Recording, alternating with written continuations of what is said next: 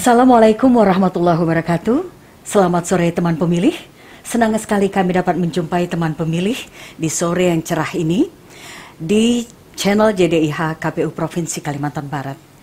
Teman pemilih, pasca sukses menyelenggarakan pemilihan di tujuh kabupaten kota, tepatnya setelah ditetapkannya beberapa calon di kabupaten kota menjadi kepala daerah, bukan hanya itu tugas KPU secara berjenjang mengawal seluruh tahapan penyelenggaraan, baik itu pemilihan maupun pemilu. Namun, ada tugas yang lain yang menjadi perhatian secara berkesinambungan yang harus dilakukan oleh KPU untuk menjaga kesuksesan pemilihan dan pemilu yang akan datang. Apa itu? Merawat data pemilih. Teman pemilih, bagaimana merawat data pemilih? Telah hadir bersama kita Bapak Firian SEMM yang mungkin di uh, antara kawan-kawan pemilih ada yang mengenal beliau karena beliau sejak lahir berkarir ini mengulik dan mengupas masalah data pemilih. Assalamualaikum warahmatullahi wabarakatuh, Pak Firian. warahmatullahi wabarakatuh. Alhamdulillah penampilannya berbeda. Ya. Jadi walaupun itu sama facial tapi uh, manis, ganteng, brewokan masih kelihatan. Ya. Namun sebelum kita uh, mengupas lebih lanjut masalah data pemilih ini, merawat data pemilih ya Pak ya.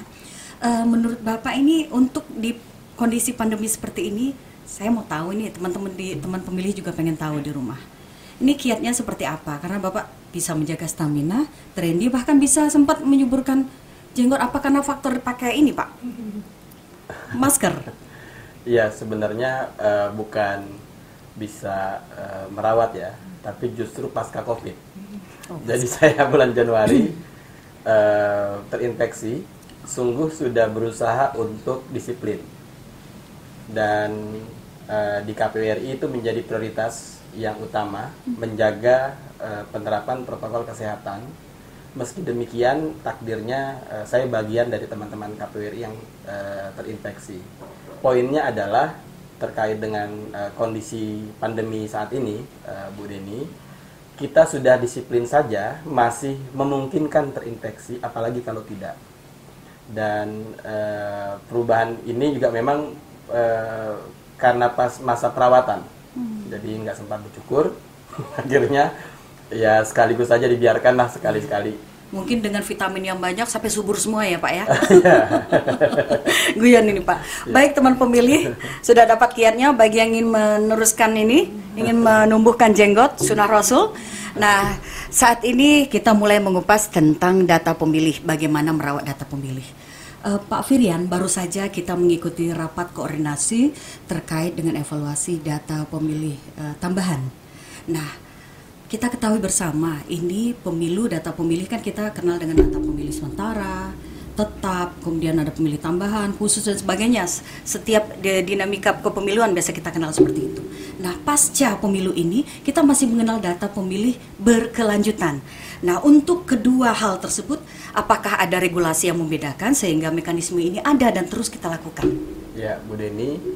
Um, pertama saya mengucapkan selamat kepada KPU Provinsi Kalimantan Barat dan teman pemilih di Kalimantan Barat karena pilkada atau pemilihan serentak 2020 di Provinsi Kalimantan Barat berjalan dengan baik. Alhamdulillah. Siapa pun yang terpilih itu adalah pilihan mayoritas pemilih uh, dan KPU sudah hampir merampungkan. Jadi kerja KPU yang menyelenggarakan pemilihan belum rampung, baru hampir rampung. Uh, masih ada dua aktivitas paling tidak uh, yang perlu dilakukan. Pertama terkait dengan uh, pelaporan terkait dengan pelaporan ini menjadi penting akuntabilitas atau pertanggungjawaban e, dana hibah. Kemudian e, sebelum itu ada dua aktivitas lain yaitu e, pemusnahan logistik serta menginput daftar pemilih tambahan ke dalam Sidali. Jadi masih banyak pekerjaan ya Pak? Ya, ya? masih ada kegiatan dan itu ya. kegiatan yang e, perlu dilakukan sampai tahapan pemilihan serentak 2020 selesai. Namun tidak hanya itu, eh, setelah kegiatan tersebut selesai masih ada sesungguhnya dua hal lain. Yang pertama dalam siklus pemilu eh, setelah pemilihan rampung, katakanlah bulan April, kita masuk eh, tahapan post election. Post election salah satunya adalah mengevaluasi. Jadi setelah seluruh rangkaian tahapan selesai, kita akan mengevaluasi bagaimana penyelenggaraan pemilihan serentak 2020 yang bermanfaat rencana uh, pemilihan serentak 2024. Uh, yang kedua, ada hal baru dalam desain uh, regulasi pemilu di Indonesia. Salah satunya pendekatan pengelolaan sejumlah tahapan yang tidak hanya pada masa tahapan itu uh, berlangsung. Sebagaimana kita ketahui misalnya uh, pemilu 2019 itu tahapannya paling lambat 20 bulan dan dalam peraturan kita 20 bulan. Tapi ada satu uh, kegiatan dan ini hal baru dalam manajemen pemilu kita yaitu kegiatan yang bisa juga dilakukan di luar tahapan yang sebelumnya tidak yaitu pemutahiran daftar pemilih berkelanjutan. E, mengapa saya sampaikan ini hal baru? Karena sebelumnya tidak e, tidak ada. Kalau kita mengikuti pendekatan manajemen penyusunan daftar pemilih dikenal tiga metode. Ada pendekatan periodic list, e, pendekatan sipil registry, dan pendekatan continuous list. E, pendekatan yang tadi disebut pemutahiran data pemilih berkelanjutan adalah hal baru, e, turunan dari pendekatan continuous list. Yang maknanya adalah secara singkat, daftar pemilih diperbaharui terus menerus. Tidak peduli secara periodik istilahnya ya Pak iya, ya. Uh, secara terus menerus. terus menerus. Tidak peduli apakah ada tahapan atau tidak. Misalnya sekarang sedang berlangsung, sudah mulai berlangsung uh, sejak tahun lalu yang tidak ada pilkada melakukan kegiatan pemutahiran secara terus menerus. Pertanyaannya untuk apa? Di negara-negara uh, demokrasi yang sudah berkembang memang ada tren beralih dalam penyusunan daftar pemilih dari pendekatan periodic list menjadi pendekatan continuous list. Secara ringkas, periodic list itu sederhananya adalah misalnya sudah mau pemilu atau pilkada, hmm. barulah dilakukan pem, uh, penyusunan daftar pemilih. Iya. Kalau uh, continuous list secara terus-menerus. Apa perbedaan dan manfaatnya? Sejumlah negara seperti Meksiko dan Kanada yang beralih dari periodic list ke continuous list itu salah satu pertimbangannya adalah aspek kepercayaan publik. Kalau periodic list dimungkinkan orang baru tahu tentang dirinya terdata atau tidak dalam waktu yang singkat atau menjelang pemilihan. Ini Tapi berbicara dengan, yang berkelanjutan, Pak. Iya. Apakah iya. ini di internal KPU-nya sendiri yang mengolah atau juga melihat me, melibatkan, oh, melibatkan pihak semua luar? pihak? Jadi melibatkan semua pihak hmm. yang tujuannya yeah. kalau continuous list ini atau pemutaran data pemilih berkelanjutan, gambarannya nanti masyarakat itu akan tahu data dirinya secara hmm. terus-menerus. KPU secara terus-menerus juga melakukan pembaruan data. Nanti menjelang pemilu tidak lagi terlalu kredit mengurus uh, daftar pemilih sebagaimana sebelumnya terjadi. Dan ini memang tren uh, di sejumlah negara demokrasi. Apakah ada proses sinkronisasi dengan lembaga lain yang juga berwenang untuk melakukan update data kependudukan? Menjadi berbeda, bukan sinkronisasi tapi uh, kita melakukan kegiatan uh, koordinasi dengan berbagai pihak dan menjadi niscaya pada saat ini karena kemajuan teknologi informasi. Jadi kalau masa lalu misalnya ini data in, uh, dari lembaga A, lembaga B ini bagaimana? Nah kalau sekarang dengan sistem informasi yang bisa terintegrasi atau terkoordinasikan, maka pertukaran data itu menjadi hal yang uh, bisa dilakukan terus-menerus. Dalam pelaksanaannya ini dinamika di lapangan, beberapa instansi yang juga andil dalam proses pemutahiran data tersebut. Apakah ada kendala, Pak? Atau seperti apa kalau misalnya kita e, menemukan persoalan karena ini bicara kewenangan lembaga-lembaga terkait yang juga sama-sama punya kewenangan. Bagaimana solusi jalan jalan yang tepat sehingga data tersebut bisa diterima oleh semua pihak? Kendala. Sebagai catatan, e, kita perlu melihat kementerian, lembaga atau badan yang juga mengelola data dalam konteks ini data warga negara atau data penduduk sesuai dengan fungsinya. Kami selalu mengatakan KPU dalam menyusun daftar pemilih itu sesuai dengan tupoksinya, KPU dituntut dan harus bisa menghadirkan data pemilih yang mutakhir, yang akurat, yang komprehensif, yang transparan, yang memberikan peran e, partisipasi masyarakat sekaligus juga terbuka untuk diberikan masukan dan mudah diakses. Nah, ini terkait dengan hasil ya Pak, hasil dari pemutahiran data yang melibatkan para pihak tersebut. Sejauh mana bentuk kalau kita di internal kan kita mengenal rapat pleno sehingga legalitas eh, legalitas dari apa yang kita putuskan itu memang mengikat semuanya. Nah, untuk ini data uh, pemilih berkelanjutan bagaimana Pak legalitasnya? Apakah melalui pleno juga di internal atau memang bentuk lain selain rapat oh, iya. koordinasi? Dia ada dua nanti pendekatannya. Yang pertama, kegiatan terus-menerus. Hmm mindset kita uh, memang harus uh, disesuaikan. Kalau dulu identik harus rapat pleno, itu dilakukan nanti menjelang uh, kegiatan pemungutan uh, pemilihan umum. Di masa uh, jeda ini kegiatannya adalah secara terus-menerus cukup rapat koordinasi. Dibuat berita acara, berkoordinasi dengan para pihak dan itu setiap bulan dilakukan oleh KPU kabupaten kota. Apa yang mereka dapatkan Pak dari itu? Apakah salinan atau berupa apa dari berita acara? Oh, hanya berita acara saja. Nah, kita sedang mengembangkan uh, sistem informasi untuk uh, pemutakhiran data pemilih berkelanjutan. Ini tidak mudah, uh, Bu Deni, karena ini hal baru. KPU RI uh, saat ini baru memungkinkan untuk mengembangkan itu, karena semenjak Undang-Undang uh, 7 kan kita langsung kerja untuk pemilu 2019 setelah selesai kita langsung hmm. untuk pilkada.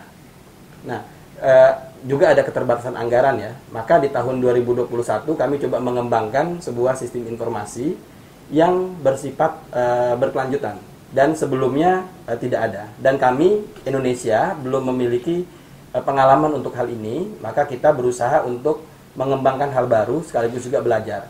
Karena ini hal baru, tentu tidak mudah. Sebagai gambaran umumnya adalah kegiatan pemutaran data pemilih secara uh, kuantitatif kurang lebih 70% prosesnya itu nanti dilakukan melalui uh, sistem informasi atau teknologi informasi. Untuk pengolahan data menggunakan sistem informasi tertentu, gambaran sederhananya, mm -hmm. nanti di kantor KPU Kabupaten Kota dimungkinkan ada layanan pengurusan administrasi pemilih.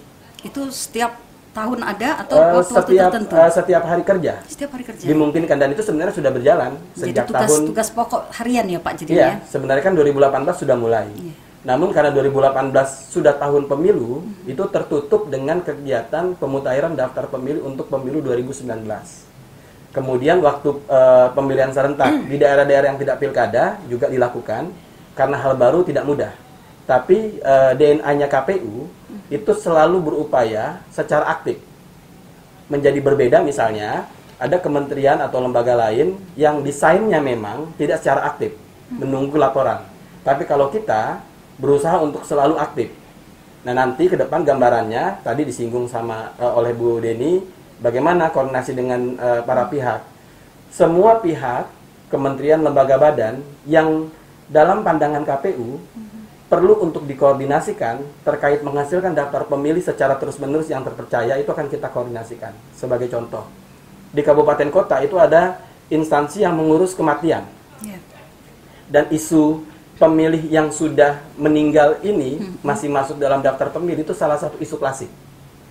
Maka kami berupaya dalam konteks pemutaran data pemilih berkelanjutan, teman-teman KPU Kabupaten Kota berkoordinasi secara terus-menerus dengan instansi terkait. Nah, ini terkait dengan penduduk yang harus dicoret dan sebagainya, Pak.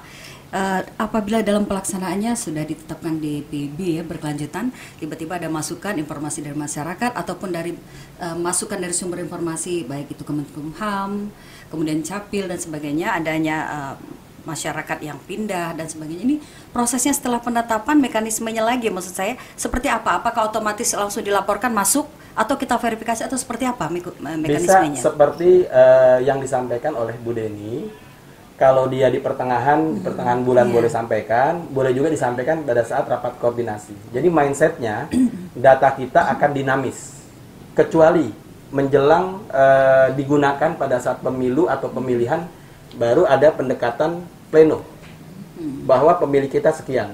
Nah, selebihnya ini cukup uh, dalam bentuk rapat koordinasi saja.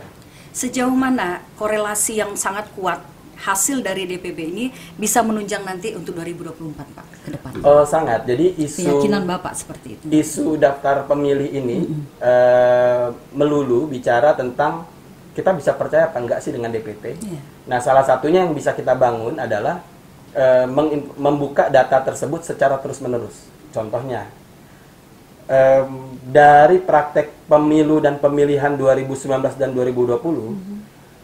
ada sejumlah pemilih dan itu dimungkinkan oleh undang-undang tidak masuk dalam DPT bisa menggunakan hak pilih dengan memakai KTP elektronik sesuai dengan alamat domisilinya. Dalam pemilu 2019 disebut uh, eh, DPK. Di pemilihan serentak 2020 disebut DPTB. Ada uh, realitas yang kita temukan, sebagian pemilih yang DPTB ini sesungguhnya sudah ada dalam DPT. Pertanyaannya, kalau sudah ada dalam DPT, kenapa dia menggunakan hmm. KTP elektronik hmm. tidak berbasis kepada DPT. iya. Ini karena kurangnya informasi. Pertanyaan berikutnya, kenapa bisa kurang informasi? Karena yang yang bersangkutan tidak mengetahui bahwa dirinya terdaftar di TPS tersebut. Tapi tetap dilayani ya Pak ya? Tapi tetap dilayani. Nah maksud saya itu bisa terjadi karena pendekatan periodic list. Nah, salah satu tuntutan dari pendekatan continuous list, salah satu pilihannya adalah TPS-nya tidak mengalami perubahan kecuali karena satu dan lain hal misalnya hmm. ada perumahan baru yang masif di satu titik hmm. sehingga perlu TPS baru. Yeah. Tapi di daerah-daerah yang sudah existing itu kemudian TPS-nya tetap sehingga orang akan tahu oh mau pemilu oh dia dia sudah tahu oh saya nanti akan milih di TPS tersebut hmm. sehingga DPTB uh, eh, akan terminimalisir. Jadi sebagian dari DPTB itu sebenarnya uh, yang kita ketahui dari data yang ada setelah kita cek dia sudah ada dalam DPT. Nah, karena kurangnya informasi, karena informasi terkait dengan yang bersangkutan terdaftar di TPS berapa, itu baru menjelang uh, hari pemungutan suara. Dengan pendekatan daftar pemilih berkelanjutan, ini bisa diminimalisir. Itu salah satu contohnya. Uh, Pak Firian, saya mendengar informasi langsung nih melalui pas lagi berkendaraan dari radio RRI nasional bahwa data Eh, KPU, produk KPU itu akan digunakan sebagai basis data untuk proses distribusi dan pemberian vaksin. Nah, seperti apa sebenarnya uh, yang menjadi latar belakang sehingga pemerintah uh, lebih cenderung uh, menggunakan data uh, produk KPU Sementara pemerintah sendiri punya basis data yang juga akurat. Kalau kita lihat ada data statistik, ada dukcapil dan sebagainya. Seperti apa Pak? Uh, mungkin uh, pandangan dari yang bisa kita lihat lah pertimbangan pemerintah tersebut. Uh, terkait dengan penggunaan data pemilih sebagai basis untuk data uh, penggunaan um, dalam program vaksinasi nasional, hmm. sebenarnya ini lebih kepada karakteristik data pemilih yang lebih sesuai. Jadi setiap kementerian lembaga tadi Bu Dini sampaikan memang ada data di beberapa kementerian lembaga. Namun kami e, mendapatkan informasi e, dalam pandangan kami dilihat DPT itu yang lebih sesuai digunakan untuk konteks sekarang. Mengapa demikian? Karena datanya e, faktual baru digunakan, yeah. sehingga karena baru digunakan sudah terkonfirmasi di lapangan e, dan bisa lebih cepat e, dimanfaatkan oleh e, Kementerian Kesehatan dan sebenarnya Kementerian Kesehatan bukan pihak pertama, namun Kementerian Kesehatan yang e, langsung ya mengirim surat kepada kita di akhir Januari menyampaikan e, ingin mendapatkan e, data pemilih yang nanti digunakan untuk kegiatan vaksinasi nasional. Ada juga misalnya dari e, pemerintah daerah tertentu meminta data pemilih untuk e, pilkades misalnya, atau di, di Pemda beberapa daerah lain juga ingin menggunakan data tersebut sebagai data untuk bansos. Namun yang resmi dan sudah kita layani adalah untuk uh, Kemenkes. Ini berbicara dengan data yang berkelanjutan yang dilakukan oleh KPU. Tentu garda terdepannya di KPU Kabupaten Kota walaupun terdepan tapi dari bawah ya Pak menyusurinya karena proses pemutahiran data. Seba, sejauh ini keyakinan eh, KPU sendiri melalui Bapak lah sebagai divisi yang mengampu dengan uh, keterbatasan mungkin SDM dan sarana perangkat keras dan lunak seperti apa pun mungkin Bapak bisa menjelaskan suatu saat nanti apa yang akan dilakukan dan kendala yang pasti di, sebagai mitigasi risiko persoalan-persoalan apa yang ditemui di lapangan yang akan di, diantisipasi oleh uh, eh, KPU atau disikapi oleh KPU khusus untuk pemutahiran data ini menjelang pemilu berikutnya. Paling tidak ada dua sampai tiga hal. Yang pertama KPU RI dan ini bolanya ada di kami harus bisa mendesain uh, secara detail, secara operatif uh, kegiatan pemutahiran daftar pemilih berkelanjutan. Dan hal tersebut merupakan kewajiban atau tupoksi KPU pada periode sekarang berdasarkan Undang-Undang 7 2017. Jadi kami berikhtiar membuat kerangka kerja, regulasi, aturan teknis yang kira-kira sesuai dengan keinginan pembentuk undang-undang. Keinginan pembentuk undang-undang adalah pemutaran data pemilih berkelanjutan ini sebagai solusi permanen terhadap permasalahan klasik yang ada. Tadi saya singgung misalnya pemilih yang tidak tahu e, dirinya sudah terdaftar sehingga menggunakan pendekatan KTP elektronik. Lebih jauh lagi sebenarnya dengan pemutaran data pemilih berkelanjutan e, karena datanya secara terus-menerus diupdate, para pihak yang berkepentingan tidak lagi e, perlu curiga berlebihan. Jadi kan ada trauma di masa lalu bahwa daftar pemilih dijadikan sebagai pintu untuk e, melakukan manipulasi. Kita kenal istilah penggelembungan data pemilih. Ada ruang klarifikasi nggak Pak? Oh ada. Kan KPU sejak 2004 sebenarnya sudah mengembangkan satu pendekatan e, yang demokratis dalam penyusunan daftar pemilih. Misalnya prinsip keterbukaan, transparan, partisipatif, dan itu terus kita e, rawat.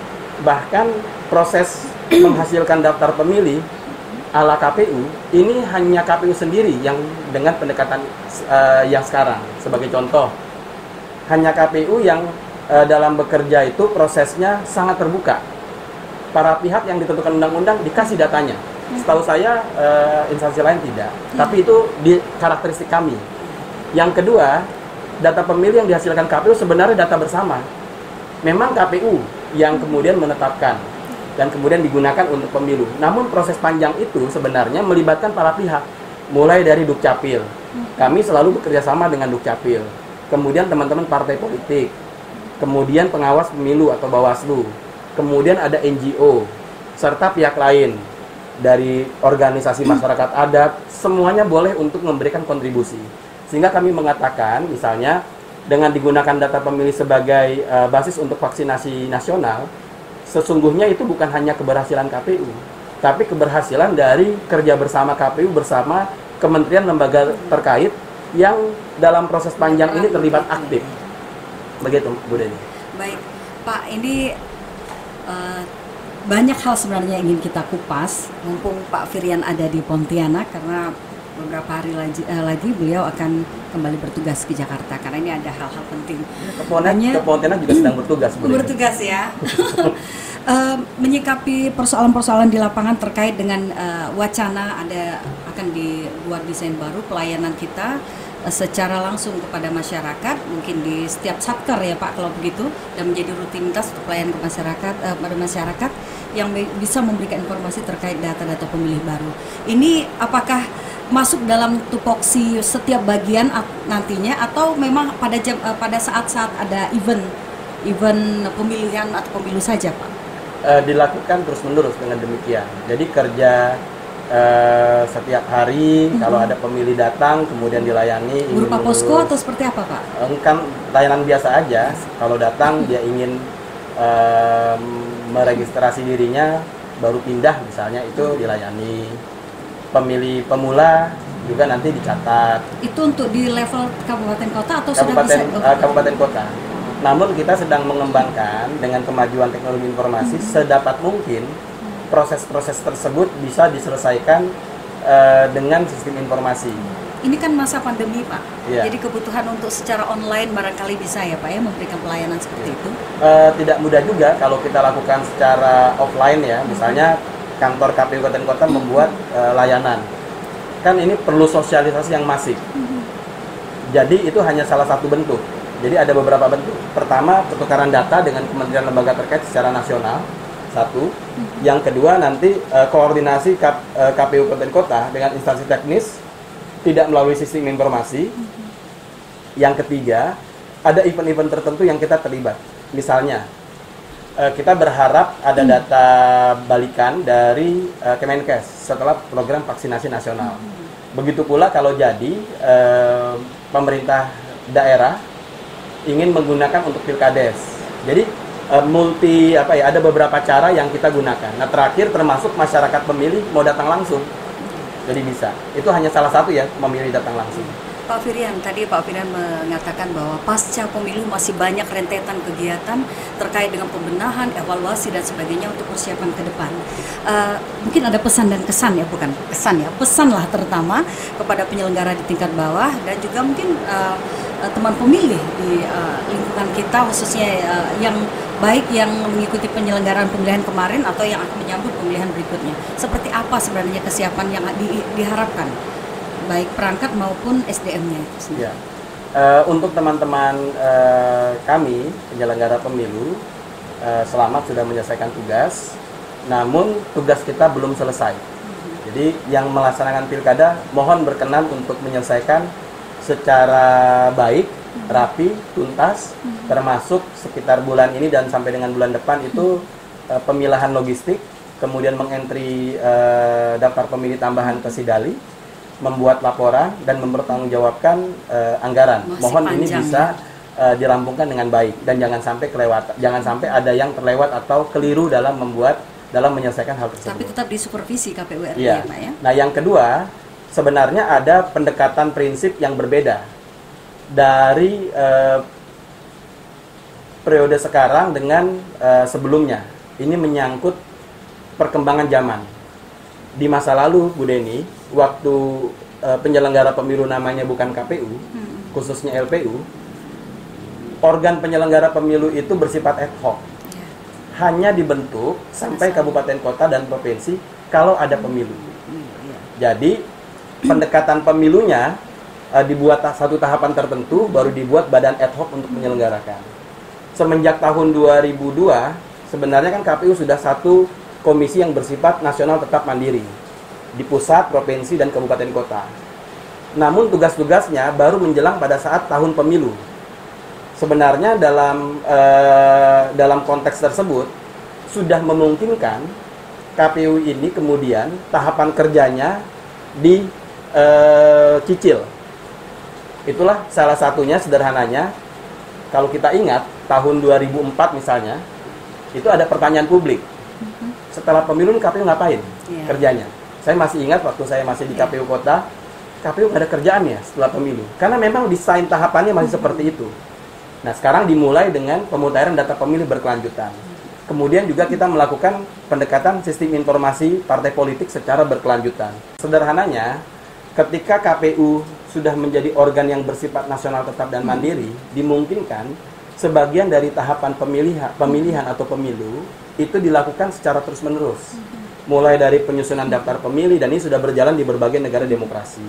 Yang kedua, eh, pendidikan pemilih. Jadi pendidikan pemilih itu tadi disinggung oleh eh, Bu Deni kepada teman pemilih bagaimana di masa jeda tidak ada pemilu atau pemilihan, sebenarnya tugas KPU belumlah selesai karena merubah eh, pandangan masyarakat, mengedukasi pemilih tentang budaya demokrasi, nilai-nilai demokrasi, meningkatkan kualitas pemilihan yang Jadi itu kita ya, Pak. sangat tergantung dari pemilih ketika berada di TPS itu bukanlah pekerjaan yang mudah. Itu diperlukan satu edukasi yang bersifat terus-menerus, yang sifatnya kelanjutan, bukan hanya ketika menjelang pemilu baru dipersoalkan. Nah, oh, kenapa itu banyak orang yang yang Betul. yang menerima politik uang? Kenapa orang memilih itu bukan karena visi misi dan program misalnya? Kenapa masih ada yang seperti itu? Nah, yang seperti ini kan tidak bisa satu dua hari, tapi harus secara terus menerus. Nah, itulah yang kami maksudkan sebenarnya dengan pendekatan KPU yang sudah bersifat nasional tetap mandiri. Fungsinya itu bukan hanya pada saat tahun pemilu atau pemilihan. Contoh, Nah, ini mengklarifikasi loh Pak. Rumor yang beredar pemilu selesai, wah kita nggak ada kerjaan padahal masih banyak seperti yang disampaikan Iya.